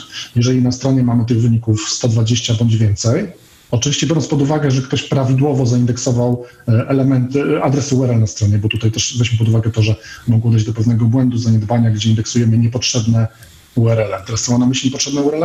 Jakieś URL, które generują na przykład parametry, tak? Doklejamy parametry do URL-a, tworzymy w ten sposób tak zwany duplicate content, w sensie mamy różne strony, strony z tą samą treścią o różnym adresie, ale to, to nie o tym. Wróćmy do tego sajtu. Jeżeli sajt jest 120, 300 czy liczony w tysiącach, to wiemy, że to jest większa strona. Teraz Googlebot odwiedza większe strony po prostu częściej. E, Wgląd tak naprawdę mamy sami w to w statystykach indeksowania w narzędziu Google Search Console do którego w ogóle zachęcam, zachęcam jakby do podpinania tego narzędzia już przy startach projektu, czy nawet jeżeli nie mamy podpiętego, bez względu na to, czy, czy mamy gdzieś tam już konsultanta SEO, czy nie, podpinamy, bo to narzędzie nam zbiera dane, dane o ruchu, dane o błędach obecnie też oraz dane o prędkości strony na przykład, więc Google Search Console jest Tak. coraz bardziej rozbudowanym, przydatnym e, kombajnem. Więc odpowiadając krótko na pytanie, to zależy, ale zależy przede wszystkim od tego, czy mamy dużą, małą stronę i od tego, czy wrzucamy nowy content. Każdy nowy content to jest szansa na to, że Google Bot sobie na niego trafia. Ze strony takiej rozjazdówki, kategorii, w sekcji kontentowej, ze strony tagu i tak dalej, i tak. Słuchaj, ja bym chciał, y, Piotr, pociągnąć jeszcze za język dotyczący tego, tych, tych części kontentowych, bo kancelaria zazwyczaj y, bywa, że tworzą sobie blogi. I y, z praktycznego punktu widzenia dużo osób się zastanawia, czy bloga mam postawić w ramach domeny kancelarii, czy bloga mam postawić na zewnętrznej domenie i wiesz, żeby się potem linkowało jedno z drugim. Czy Wiesz, czy to ma jakieś uzasadnienie, czy stawiać tu, czy tu, czy może ważniejszy jest sam fakt, że publikuję dobrą treść dla mojego klienta, w związku z tym on i tak do mnie dotrze. Bardzo, bardzo trafne pytanie i jest to bardzo istotne w kontekście tej właśnie sekcji e, blogowej, kontentowej. Zdecydowanie zachęcam do tego, żeby to się odbyło na naszej domenie i w katalogu, tak? Czyli mamy stronę główną e, slash e, blog, tak, slash i tam już dalej. E, Zdecydowanie nie rekomenduję robienia tego ani na subdomenie, a już tym bardziej na domenie jakiejś zewnętrznej. Przy domenie zewnętrznej nie zyskujemy w ogóle nic na zasadzie tego, że Google Bot nas częściej odwiedza, to jest pierwsza kwestia. Druga kwestia jest taka, że musimy tak z tamtej domeny sobie linkować do siebie, więc jesteśmy jakby osobnym bytem trochę dla Google. On rozumie, że on się jest połączony, bo linkuje między sobą, możemy zrobić wspólną stopkę i tak dalej, i tak dalej, oczywiście, ale nadal przy, przy mniejszych serwisach y, zdecydowanie, zdecydowanie bym konsolidował sobie tutaj to do katalogu, E, plus Pamiętajmy o tym, że ruch mamy nadal w strukturze danej strony, jeżeli tam trafia ten ruch. No i ten Googlebot się kręci po prostu bliżej, tak? Czyli mamy, mamy jakby naszą stronę i tu mamy sekcję kontentową. A jeżeli mamy dwie osobne domeny, to one są od siebie zawsze w pewien sposób oddalone strukturalnie, tak? Więc, więc to adresy, Teraz cię rozumiem. w- są to sobie adresy. Z perspektywy takiej mi się wydaje zarządzania, zarządzania też tak naprawdę tym kontentem, czy utrzymania w ogóle. No, Płacimy za dwie domeny, mamy dwa WordPressy, no oczywiście możemy sobie nimi zarządzać na raz, ale myślę, że duplikujemy trochę effort i nie widzę za bardzo uzasadnienia, uzasadnienia tak naprawdę w tej sytuacji. A żeby na przykład sobie postawić bloga na Mediumie, czy na jakiejś takiej platformie, na której już jest jakaś publiczność, na zasadzie wychodzę z założenia, że mam kancelarię prawną Tak. i na sam początek no, nikt nie będzie do mnie wchodził, bo jestem nowy, świeży na rynku, no, więc będę publikował ten mój content na Mediumie po to, żeby tam już ludzie, którzy tam są i w ogóle konsumują Mediuma, żeby wchodzili na mój content, a w mojej treści będą odnośniki, czy w moim profilu będą odnośniki do mojej strony i liczę na to, że przekliki będą w tą stronę. To ma sens? E, Myślę, że ma to sens. Prawda, jeżeli chodzi o Mediuma, to zakładam, że, że linki, które w Mediumie są i prowadzą do naszej strony są linkami no follow, tak? Czyli w rozumieniu No, no tak. Google'owym mamy do follow i no follow, czyli do follow jest to link, który przekazuje tak zwany, nazwijmy sobie to link juice, not SEO, mówiąc kolokwialnie, trochę zabawnie, ale no jakoś trzeba to nazwać. Kiedyś nazywało to się PageRankiem, no ale PageRank jakby funkcjonuje w Google oczywiście w jakiś sposób, ale no nie określa się tego już PageRankiem, nie jest mierzony, on kiedyś był podawany, więc to już jest jakaś zaszłość. Tak, tak, pamiętam to. Tak, link do follow przekazuje ten link juice, no follow no nie przekazuje tego link juice'u, więc wszystkie linki zakładam z medium trafiają do nas i są mają no follow, więc nie przekazują na żadnej mocy, ale ja bym tu widział bardziej aspekt taki budowania brandu, tak? Jeżeli mamy szansę e, szerokiego dotarcia i budowania brandu, czy to personalnego, czy po- powiązanego, tak? Z z naszą firmą, czy kancelarią adwokacką, czy to, to myślę, że jak najbardziej, bo jeżeli robimy coś takiego, publikujemy u siebie jakiś content, no na razie za wiele osób do nas nie trafia, bo to są nasze początki. E, Nawet naszego brandu jeszcze nie mamy wbudowanego. Robimy omówienie na przykład na takim medium, czyli robimy dwie różne treści, unikalne w rozumieniu tak, googlowym, czyli nie duplikujemy treści, no bo to jest niekorzystne w rozumieniu googlowym, jak wiemy. Um, to myślę, że miałoby to sens, tak? Robimy tam jakieś poszerzone omówienie, robimy to pod jakimś innym kątem. Na swojej stronie publikujemy na przykład raport, a tam robimy omówienie i w jakiś sposób linkujemy, do tego zachęcamy.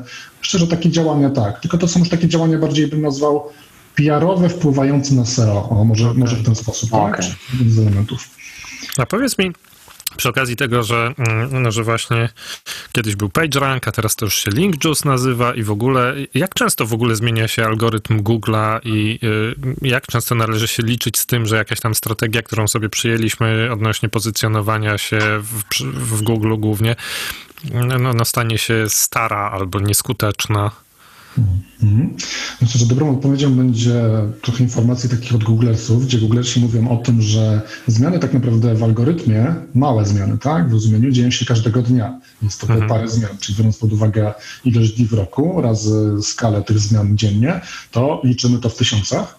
Ale to są oczywiście różne zmiany, tak? Liczymy w tysiącach. Zmiany, które są zauważalne, czyli zauważalne teraz, zauważalne przez branżę, w rozumieniu branża widzi, że coś się dzieje, tak? Czyli w narzędziach, których możemy sobie analizować tak zwane SEO visibility, czyli widoczność, e, na przykład Senuto, na przykład Searchmetrics, e, Ahrefs powiedzmy, że też, chociaż on bardziej to przelicza na podstawie um, właśnie tego estimated traffic, ale jeżeli widzimy tak zwaną burzę, tak, że coś w tych serpach się dzieje, no to branża gdzieś tam o, o tym ostro dyskutuje. To jest pierwsza kwestia. Druga kwestia jest taka, że Google, zdarza się Google'owi anonsować, że zrobili update dość duży. Okay. Oczywiście nie wiem, czego dotyczył, ale zdarza im się to coraz częściej ostatnio.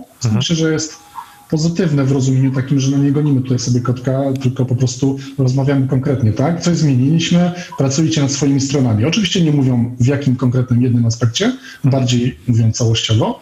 No to takie zmiany się dzieją średnio dwa, co 2-3 miesiące. Tu nie mogę powiedzieć, że na przykład jeżeli w styczniu teraz żebym się nie romnął, 13 stycznia, jeśli się nie mylę, 13 bądź 15, 13, był taki update Google'owy dość duży, no to nie powiem, że teraz proporcjonalnie, nie wiem, 13 maja będzie taki update, bo no Google tutaj e, śmiesznym prorokiem, ale jest to pewna częstotliwość, co 2-3 miesiące te algorytmy się zmieniają. E, problem polega na tym, że nikt nie wie tak naprawdę, czy one dotknęły jakiegoś konkretnego czynnika. Później są opracowania branżowe, analizy wykonywane przez różne firmy dostarczające na przykład te narzędzia, tak? czy to jest Sanuto, czy Ahrefs, e, czy blogi, na przykład polecam blog e, Glena Gabe'a, to jest taki amerykański specjalista od digitalu, ale też właśnie w kontekście SEO tutaj bardzo polecam próbują opracowywać, tak? Czyli znaleźć jakby e, kto poleciał, tak? Kto poszedł w górę, kto poszedł w dół mhm. i na tej podstawie trochę analizują dalej, kto mógł mieć lepszy content, gorszy content, szybszą, wolniejszą tak. stronę. Na tej podstawie próbują robić taki reverse engineering i, i szukać jakby przyczyn, dla, czego dotyczył ten update, ale pamiętajmy, że Google tego nie zdradza, więc myślę, że to jest... Zda, zdarzyło się do tej pory coś takiego, że Google taką zmianą wysadziło w kosmos jakieś wysiłki yy, właśnie optymizacyjne prowadzone przez nie wiem, miesiące czy lata przez jakieś mhm. brandy, czy raczej te zmiany są takie iteracyjne? Te zmiany mogą być zdecydowanie bardzo, bardzo duże. Jeden z wydawców w zeszłym roku zaliczył spadek rzędu na pewno ponad 50%, tylko teraz żebym się któryś, z, któryś, z, któryś chyba z angielskich, nie? już teraz gdzieś tam zgubiłem wątek, więc tak, te zmiany mogą być The bardzo... E, chyba nie The Sun akurat, a może? Nie, chyba nie The Sun, ale któryś, któryś z dużych wydawców na pewno. Um, w 2018, na przykład 1 sierpnia, był tak zwany Medic Update, czyli update dotyczący branży medycznej. Co mhm. prawda nie tylko branży medycznej, ale medycznej bądź powiązanej. No i tam było bardzo duże zamieszanie i na polskim rynku, i tak naprawdę na amerykańskim. Amerykańskim swoim benchmarkiem, bo, bo serwisy typu WebMD i pozostałe no, rotowały między sobą. E, Google też mocno uderzał w serwisy, które dostarczają na przykład informacji, które mogą być fake newsem potencjalnie, tak? Fake newsem, czy też poradą pseudonaukową dotyczącą zdrowia. Więc okay. tutaj znowu wraca to przetwarzanie języka naturalnego i pewien mhm. taki e, fact-checking, który się dziś odbywa w tle. E, no bo Google coraz lepiej sobie radzi z tym, czego dotyczy ta treść i czy ta treść jest potencjalnie prawdziwa, czy nie wprowadza użytkownika w jakiś błąd, tak? Więc później ukuł się taki termin, że tam date dotyczyły stron email, czyli Your Money, Your Life, czyli stron, które wpływają na nasze decyzje. Decyzje zdrowotne, ale również finansowe. Wiesz, finansówka też gdzieś tam się bujała. Więc e, zdarzają się takie update'y co parę miesięcy, pewnie raz w roku na pewno jeden taki solidny, które wywracają świat, świat seowców, no i świat biznesów do góry nogami. Okej. Okay. Słuchaj, ja mówiłeś, chciał... a to Szymon, przepraszam, ja tak, przerywam. sorki. Słuchaj, ja bym chciał zapytać, bo przeszliśmy tak sobie płynnie do, do rzeczy, do, do, y, do aktualizowania aktualizowania Google'a. Ja chciałem się, kurczę, ja chciałem się ciebie zapytać, czy są jakieś praktyki pozycjonerskie, których już się nie stosuje, albo wiadomo, że one są nie fair i one nigdy nie zagrają, a mimo to ktoś tam jeszcze sobie z nich, z nich korzysta. Wiesz, chciałem usłyszeć od ciebie o takich negatywnych rzeczach, które trzeba koniecznie unikać. E, tak, myślę, że tu będzie parę takich konkretów. E, chociażby wspomniane przez Ciebie już wcześniej e, bezpośrednie, bez odmiany słowa, wplatane gdzieś tam w treści. Mhm, myślę, tak. że podchodziło pod schemat już takiego keyword stuffingu i treści, która jest nienaturalna. E, jeżeli wrzucimy sobie 50 razy na stronie prawnik, no to wcale nam nie pomoże, a pewnie zaszkodzi, e, mhm. więc no to, to, to, jest jakby jeden z elementów.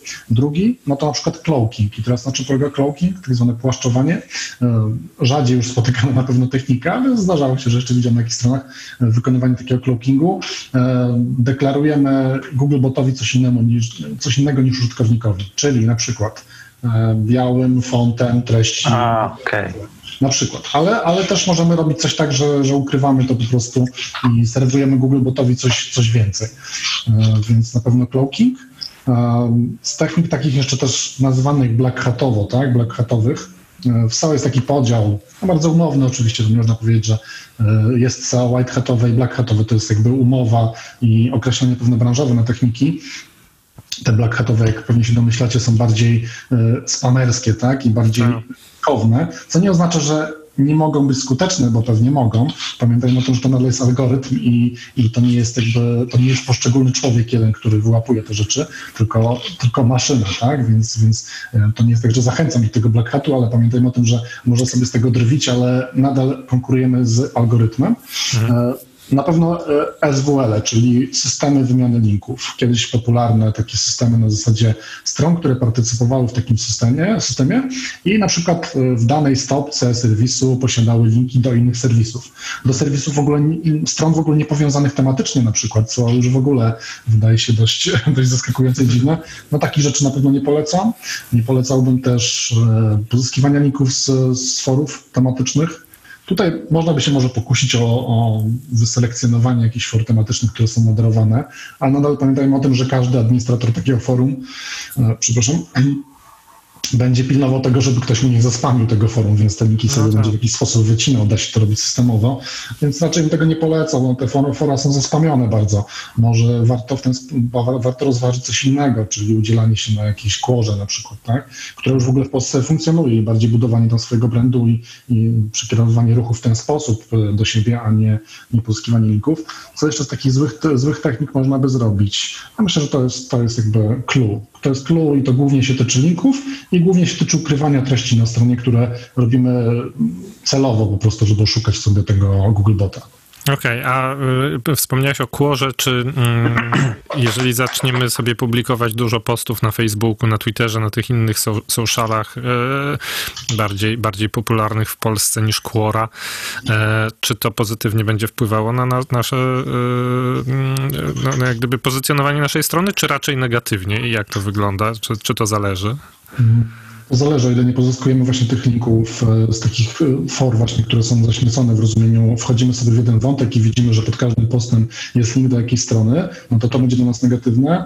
E, jakieś budowanie swojego brandu na forach, które są mocno moderowane, myślę, że to jest coś, co będzie oddziaływało na SEO, tak? No bo tam nie pozyskamy pewnie bezpośrednio do siebie linków, ale, ale, ale wpływa to na SEO, bo jeżeli na przykład nasz brand się pojawi, imię, nazwisko, jest to pewnego rodzaju tak zwana cytacja, tak, mhm. citation, e, które, które wpływa pośrednio gdzieś tam na, to, na nasze, nasze SEO, tak.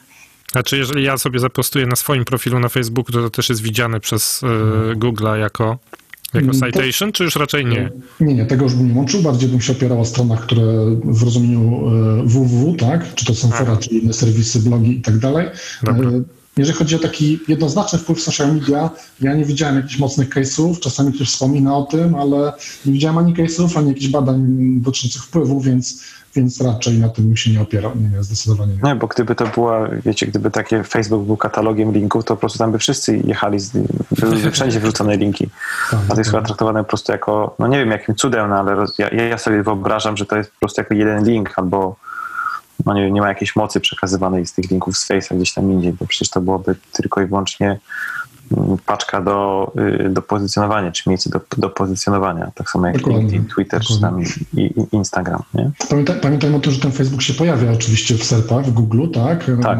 Page i tak dalej, ale e, czy też Twitter jako Twitter kardy w ogóle w takim rozszerzonym widoku Google'owym, ale nie łączyłbym tego oczywiście w żaden sposób, że to będzie miało jakiś tam wpływ na SEO. To są już pozostałe kanały, bym to odseparował. A mówiłeś o sekcji kontentowej, że warto ją mieć na swojej domenie. Mm, Ja zapomniałem dopytać, więc e, skorzystam z okazji i teraz dopytam.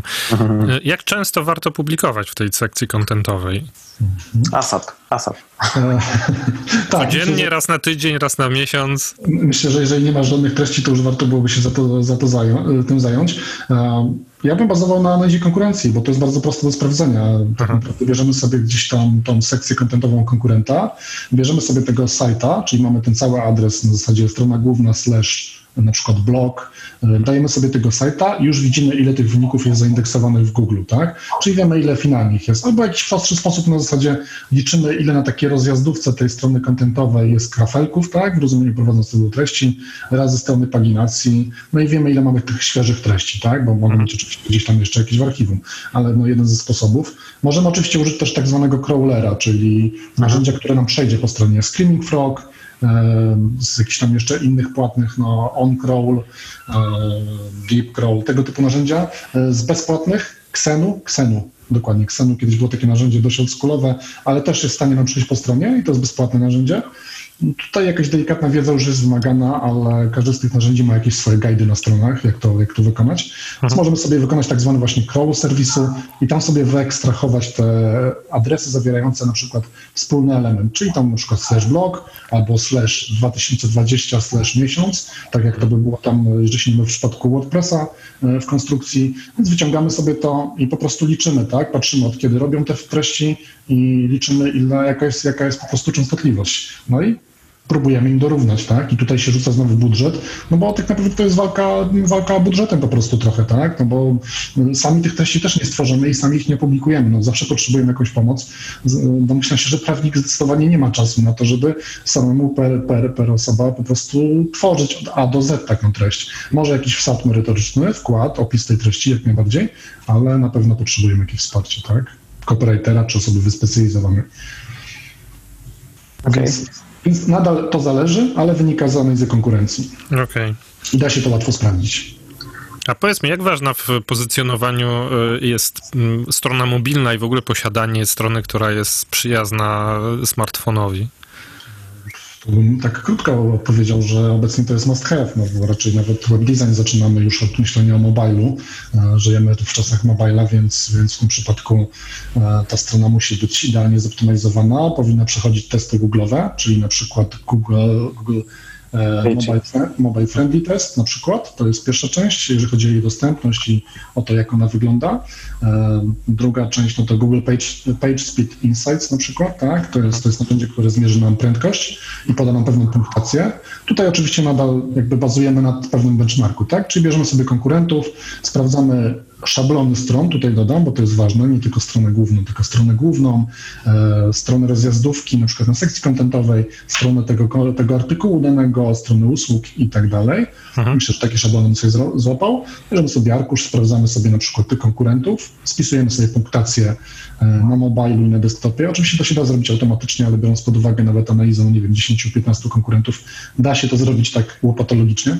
E, I robimy sobie taki benchmark, tak? I staramy się tę stronę usprawniać. E, Page Speed Insights wypluwana na dole tak naprawdę pod wynikiem już konkretne, znaczy konkretne może nie, ale wskazówki, co powinniśmy poprawić i prawdopodobnie w jaki no. sposób to zrobić. Tu nie chciał się zagłębiać, bo tutaj potrzebujemy co najmniej dewelopera e, bądź SEO-wca, tak? E, Bądź to najlepiej tą parę oczywiście, żeby przeanalizować, co możemy zrobić w ogóle w obrębie naszej, naszej platformy. Jeżeli to jest WordPress, możemy się pokusić oczywiście o wtyczki, chociaż taka ręczna optymalizacja będzie i tak zawsze lepsza, bo nie instalujemy kolejnej wtyczki, która nam obciąża back-office i WordPressa, tylko robimy to ręcznie.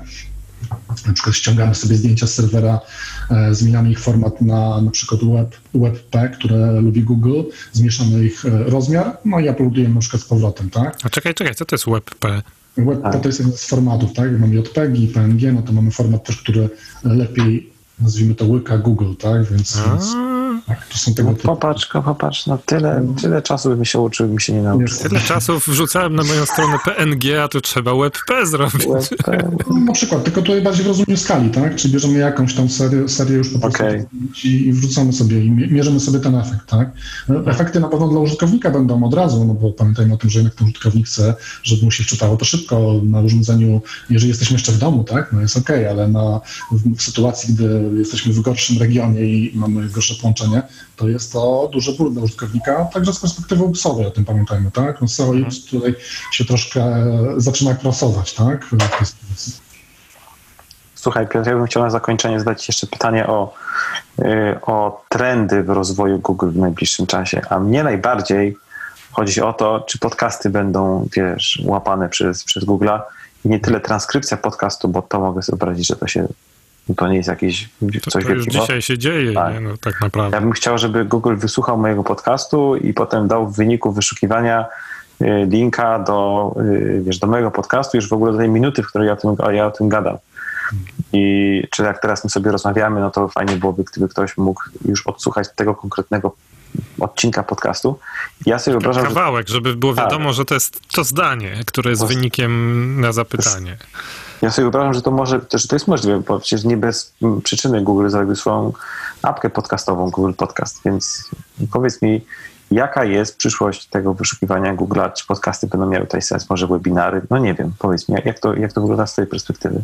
E, Ja myślę, że jeśli chodzi o podcasty, no to jak najbardziej to ma sens. Do tych wychwytywania tych fragmentów tutaj się za bardzo nie wypowiem, bo zakładam, że nie ma jakichś specyfikacji, specyfikacji technicznych mówiąc, mówiących o tym, jak to oznaczać na ten moment na pewno. Plus Google, tak jak wspomniałem wcześniej, no raczej nie będzie sobie z tym za dobrze radził dość długo. Pamiętajmy o tym, że to jest zasobożerne, tak? Tak jak renderowanie strony, którą Google sobie fetchuje, tak? Czyli pobiera, wchodzi na nią i pobiera sobie HTML i linki do, do JS-a, CSS-a, tak? I, I renderuje sobie tą stronę, zużywa pewne zasoby. Tak samo przy jakiejś treści, która będzie wideo, czy będzie podcastem, no byłyby potrzebne ogromne zasoby, żeby to przetwarzać, więc na to bym raczej nie liczył, ale co mogę podpowiedzieć, jeżeli chodzi o same podcasty? Ja tak naprawdę zalecam, jeżeli chodzi o same podcasty, yy, zapoznanie się i wdrażanie e, wytycznych, które znajdują się na developers.google.com. Tam jest takie tak zwane search gallery i w tym search gallery y, możemy znaleźć sobie konkretne dane strukturalne, czyli podcasty Google na przykład, tak? Mhm. I tam jest, tam jest masa jakby wytycznych, które, które warto byłoby wdrażać, żeby się podbijać, z, podbijać te pozycje tych podcastów, tak? No bo wiemy, że Google już prezentuje poszczególne podcasty w wynikach wyszukiwania. Tak. Jeżeli wdrażamy te dane strukturalne, to, to będzie, będzie gdzieś tam nam to pomagało, pomagało w lepszym, lepszym po prostu pojawianiu się, tak? No dobra. No jeżeli chodzi o podcasty, jeżeli chodzi o rozwój Google'a, to będzie dużo wątków, tak? I można by rozmawiać o jakichś bardziej, kos, bardziej kosmicznych, jak e, wyszukiwanie głosowe, o którym gdzieś tam kiedyś lubiłem rozmawiać sporo, ale nadal wydaje mi się, że to jest trend, który mocno do Polski nie wszedł i nie wiem, czy wejdzie. E, Bardziej skupiłbym się chyba na tym Bercie, o którym mówiłem, i tym przetwarzaniu języka naturalnego, czyli Google coraz lepiej radzi sobie z z zrozumieniem tego tekstu. To jest pierwsza kwestia. Druga kwestia, jeżeli chodzi o te dane strukturalne, właśnie o których mówiłem, które opisują Google'owi, co mamy na stronie, to Google też tak naprawdę to jest trochę trik, bo my oddajemy informacje Google'owi, czyli Google pokazuje na przykład bardziej rozbudowane wyniki w, w wynikach wyszukiwania, czyli pokazuje na przykład, jeżeli chodzi o e-commerce, jakieś gwiazdki, e, jeżeli chodzi o wydarzenia, pokazuje daty plus wydarzenie, czyli ten wynik nie jest zwykłym titlem, description i URL-em, tylko ma dodatkowe elementy. No i te dodatkowe elementy pojawiają się między innymi dzięki wdrożeniu danych strukturalnych, no to te dane strukturalne też tak naprawdę sprzedają pewne informacje dla Google'a. I teraz co to oznacza? Oznacza to to, że Google będzie dążył na pewno, to już wiemy, do tego, żeby zatrzymać tego użytkownika na swojej stronie. I teraz co to znaczy? Jak wpiszemy sobie, mm, nie wiem czy zauważyliście, wpiszemy sobie na przykład koronawirus, tak? To co zrobił Google e, jakiś czas temu na Międzynarodowy Dzień Zdrowia? Zrobił w Polsce, bo w Stanach to już działało dłużej. Po prawej pojawiła się mapka z, z wykazem, e, z wykazem przypadków, którą zaciągał sobie z Wikipedii i z innych źródeł. Domyślam się, że z WHO, z jakiegoś e, publicznego, publicznego API, jakiejś tam bazy danych. E, I tak naprawdę teoretycznie nie musimy już nigdzie więcej wchodzić, tak? Wiemy wszystko od samego Google'a, mamy mapkę, mamy tabelę, e, Google zatrzymuje nas, jest to tak zwany zero click, bo nie musimy nigdzie klikać, jest zapytanie, ale wiemy wszystko z Google'a, Dobra, wracamy, tak? Więc na pewno będzie dążył do tego, żeby coraz więcej takich zapytań się pojawiało, w których on udziela informacji i niekoniecznie przekazuje ten ruch dalej.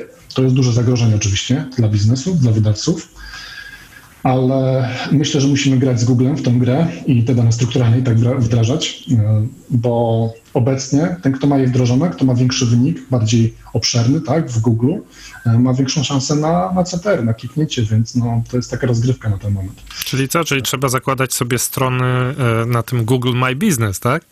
E, to, to jeszcze jest dodatkowy wątek, ale myślę, że warto tutaj, jeżeli chodzi o, o, o temat jakby kancelarii prawnych. Nie zdążyliśmy pewnie go poruszyć, ale Google, moja firma i zakładanie wizytówek, które podkreślam są darmowe, są łatwe w optymalizacji. E, oczywiście zachęcam do wprowadzania takich właśnie wizytówek, uzupełniania ich danymi.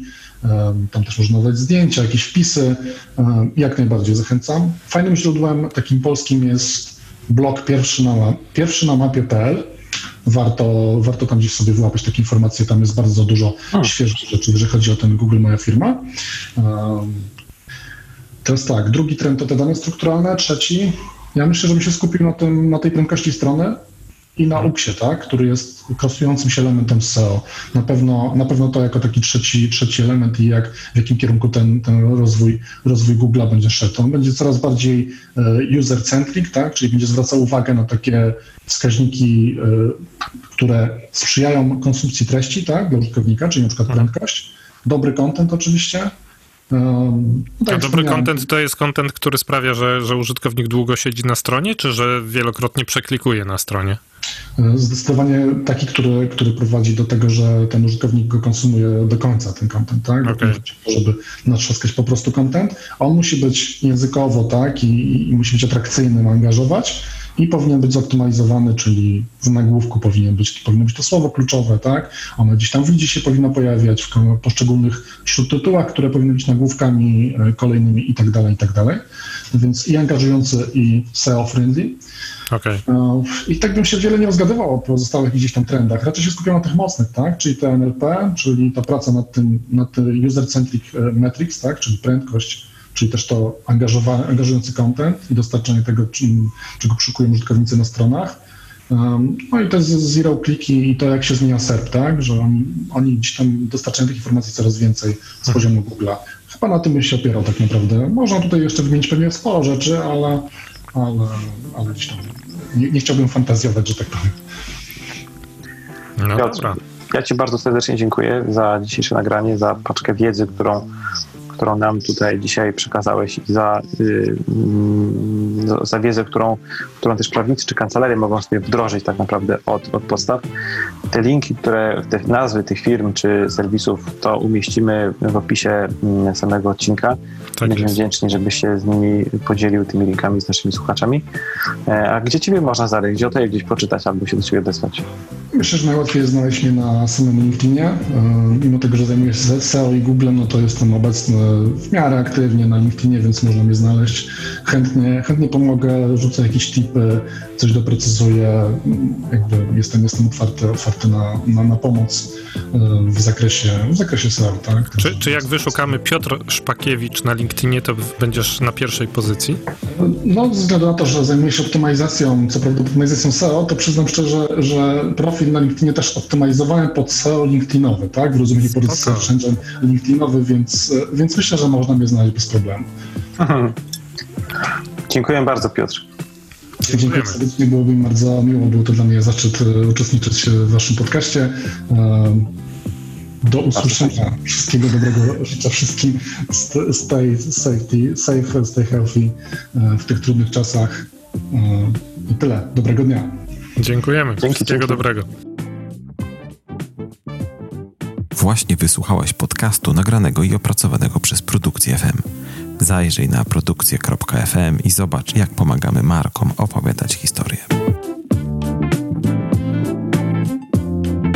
Chciałbym Ci serdecznie podziękować za wysłuchanie tego odcinka podcastu Poza Prawem. Jeżeli nas słuchasz na urządzeniu Apple, na iPhone albo na iPadzie, to bardzo Cię proszę w aplikacji podcasty mm, oceń nasz podcast albo w iTunesie, jeżeli na Macu nas słuchasz, to oceń nasz podcast, e, kliknij pięć gwiazdek, napisz jedno zdanie, dlaczego uważasz, że to jest dobry podcast I, e, no i najlepiej podziel się wiedzą o tym, że ten podcast istnieje z kimś, kogo lubisz i kto twoim zdaniem mógłby skorzystać na tych treściach, które w podcaście poza prawem poruszamy.